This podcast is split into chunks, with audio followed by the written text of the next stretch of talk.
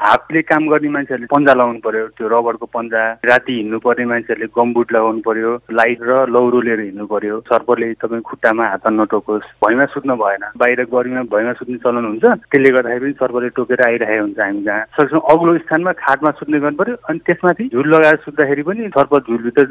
छिर्न नसक्ने हुनाले वरिपरि भए पनि हामी भाषामा पुग्दैन टोकाइबाट बच्न सकिन्छ झाल्डो गरेर एकदम राम्रोसँग लगाउने घरमा भएको पालहरू टाल्ने सर्पले टोकेर बेहोस हुने भने चाहिँ आत्तिएर बेस हुन्छ मान्छे सर्वप्रथम त दोस्रो व्यक्तिले चाहिँ बिरामीलाई नहात्तिन सुझाव सम्झाउने हो मुखले चुसेर बिस निकाल्ने काट्ने टाइट ब्यान्डेज गरिदिने त्यो गर्दाखेरि बढी बेफाइदा भइरहेको तराईको एरियामा चाहिँ हाम्रो सर्वदंश उपचार केन्द्र हुन्छ सर्वले टोकेको थाहा पाउने बित्तिकै त्यहाँ लगिहाल्नु पर्यो